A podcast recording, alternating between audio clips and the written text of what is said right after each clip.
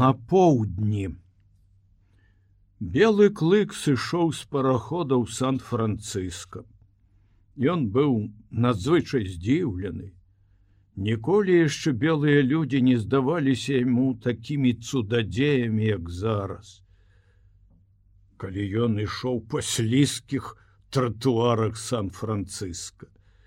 Замест знаёмых хацін з бярвенняў, По баках узнімаліся велізарныя будынкі.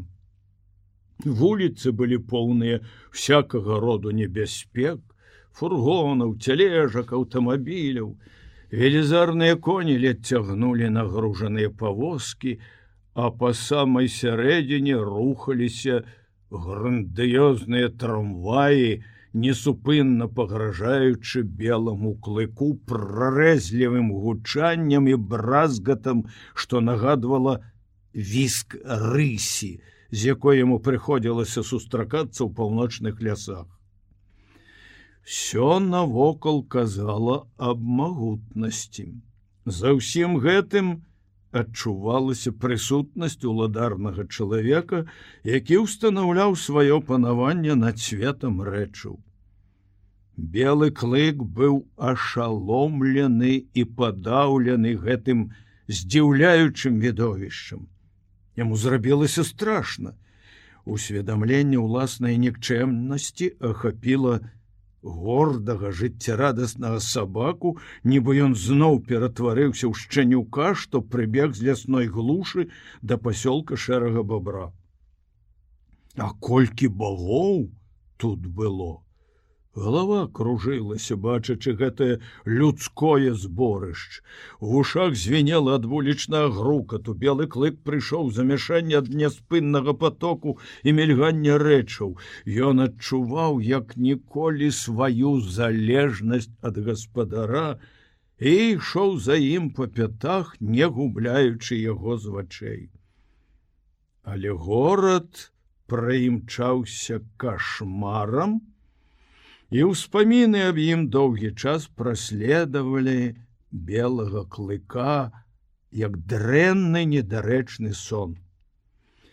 У гэты ж дзень гаспадар прывязаў яго на ланцуг у кутку багажнага вагона сярод кучы чамаданаў і сундукоў. Тут распараджаўся прысадзісты каранасты бог, які з грукатам перастаўляў сундукі і чамаданы, цягваў іх у вагон, навальваў кучамі або з трэскам шпурляў за дзверы, дзе іх падбіралі іншыя багі. І тут у гэтым крамешным пекле гаспадар пакінуў белага клыка. Прынамсі белы клык лічыў цябе пакінутым да таго часу. Пакуль не адчуў побач сабой дарожных рэчаў гаспадара і стаў на варту каля іх. У час прыйшлі, прамармытаў гаспадар вагона, калі праз гадзіну ў дзвярах з'явіўся у ідан скот. Гэты сабака не даў мне дакрануцца, да вашага добра.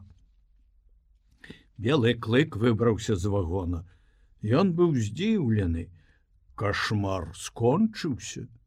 Уваходзячы ў вагон белы клык палічыў яго за пакой у доме, які з усіх бакоў быў абкружаны горадам. Але за гэтую гадзіну горад знік, грукат ужо не лез яму ў вушы, перад белым клыком рассцілалася вясёлая залітая сонцам краіна, але здзіўляцца гэтай перамене не было калі. Белы клык прыняў яе, як прымаў усе цуды, што спадарожнічалі кожнаму кроку багоў. Іх чакала каляска. Да гаспадара падышлі мужчына і жанчына. Жанчына працягнула руки, абняла гаспадара за шыю, варожае дзеянне у наступную ж хвіліну ідан скот вырваўся з абдымкаў схапіў белага клыка які зарыкаў як разлютаваны д'ябал. Нічога мама сказаў кот не адпускаючы белага клыка і стараючыся заспакоіць яго. Ён думаў, што ты хочаш мяне пакрыўдзіць, а гэта бя гэтага рабіць не дазваляецца. Нічого, нічого, ён хутка зразумее. А тым часам я змагу выказаць сваю любоў да сына толькі тады, калі яго сабакі не будзе паблізу, засмяялася маці. Хоць твар яе пабелеў ад спалоху. Жанчына паглядзела на белага клыка, які ўсё яшчэ рыкаў і ўвесь натапырыўшыся злосна пазіраў на яе.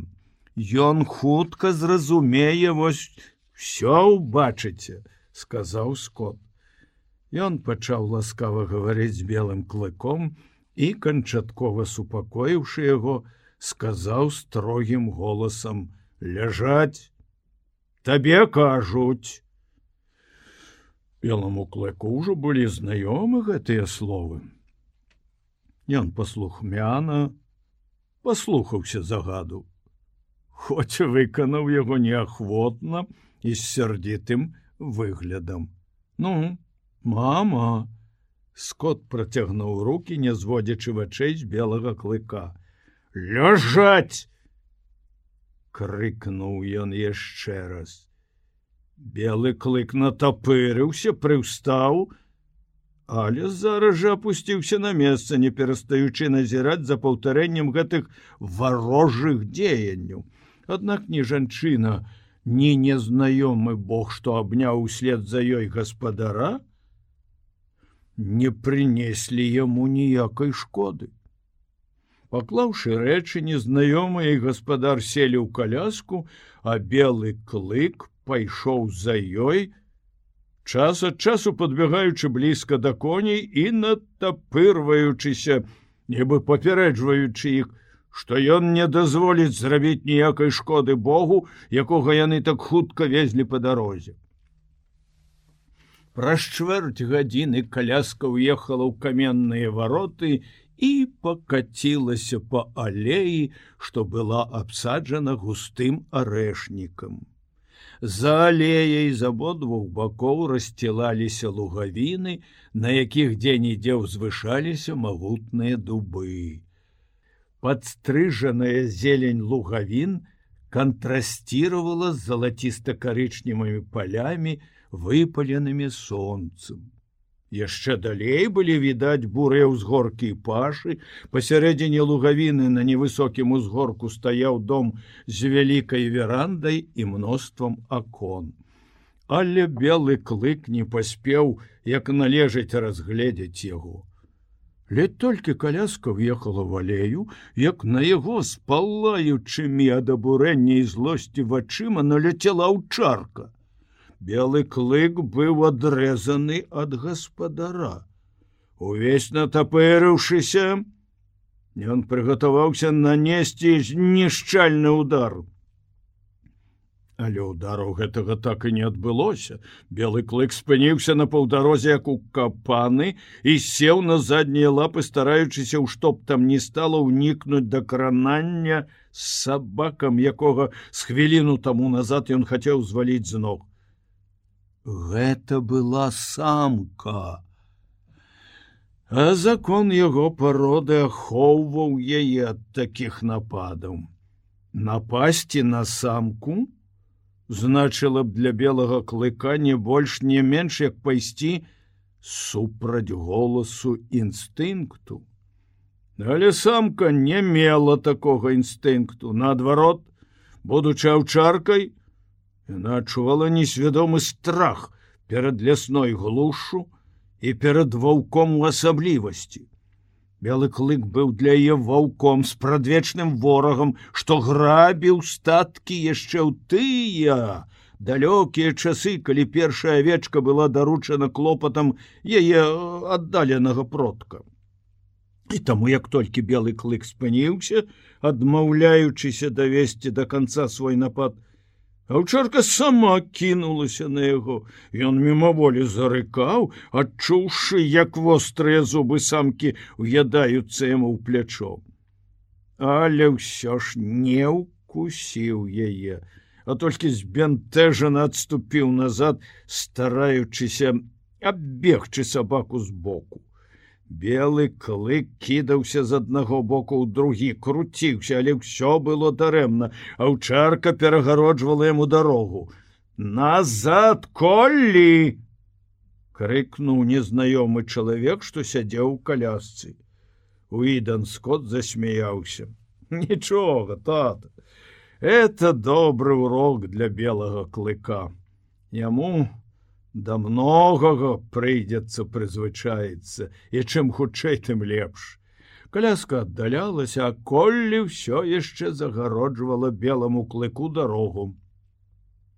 Ён паспрабаваў абагнаць яе і звярнуўшы з дарогі кінуўся праз лугавіну, але аўчарка бегла па ўнутранаму колу і белы клык усюды натыкаўся на яе вышчараную пашчу. Ён павярнуў назад, спрабуючы перабегчы дарогу, але і тут яна апярэдзіла яго намеры, а каляска адвозіла гаспадара. Белы клык бачыў, як яна паступова знікала за дрэвамі. Становішча было безвыходнае. Ён паспрабаваў апісаць яшчэ одно коло, а ўчарка не адставала, тады белы клык на ўсім хаду павярнуў на яе. Ён адважыўся на свой выпрабаваны баявы прыём, ударыў яе ў плячой і зваліў з ног.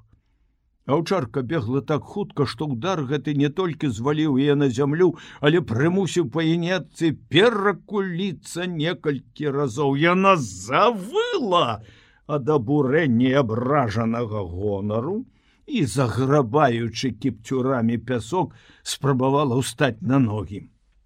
Белы клык не чакаў.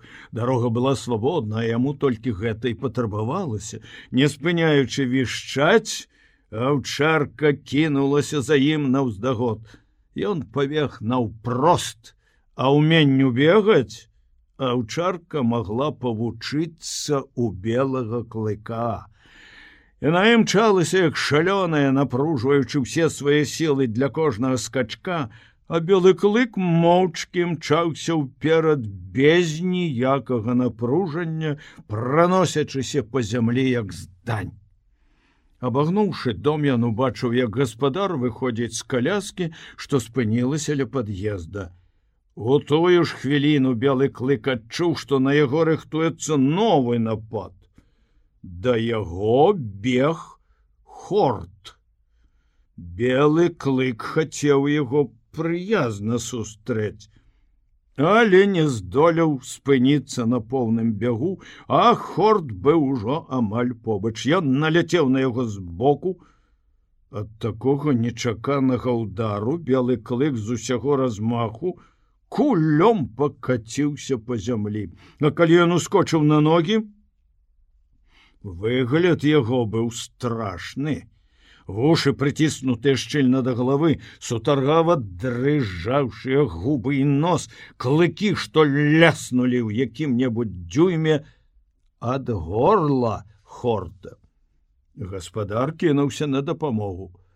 Але ён быў надта далёка ад іх і выратавальнікам хорта аказалася коллі. З'явіўшыся якраз у тую хвіліну калі белы клык рыхтаваўся скочыць Яна не дазволіла яму нанесці смяртэльнага удару праціўніку. Коллі наляцела як шквал. Пачуццё абражанай годнасці і злосць толькі распалілі ва ўчарцы нянавісць да гэтага драпежніка з лясной глушы, які ўхітрыўся спрытным манеўрам ашукаць і абагнаць яе ў дадатак выпадска ў пяску. Яна кінулася на белага клыка под прамым вуглом у той момант, калі ён скочыў да хорта і ў другі раз зваліла яго з ног. У гэты час падышоў гаспадар і схапіў белага клыка, а яго бацька адклікаў сабак. Няма чаго казаць добра прымаюць тут няшчаснага ваўка які прыехаў з палярнага круга, гаварыў скот, супакойваючы белага клыка.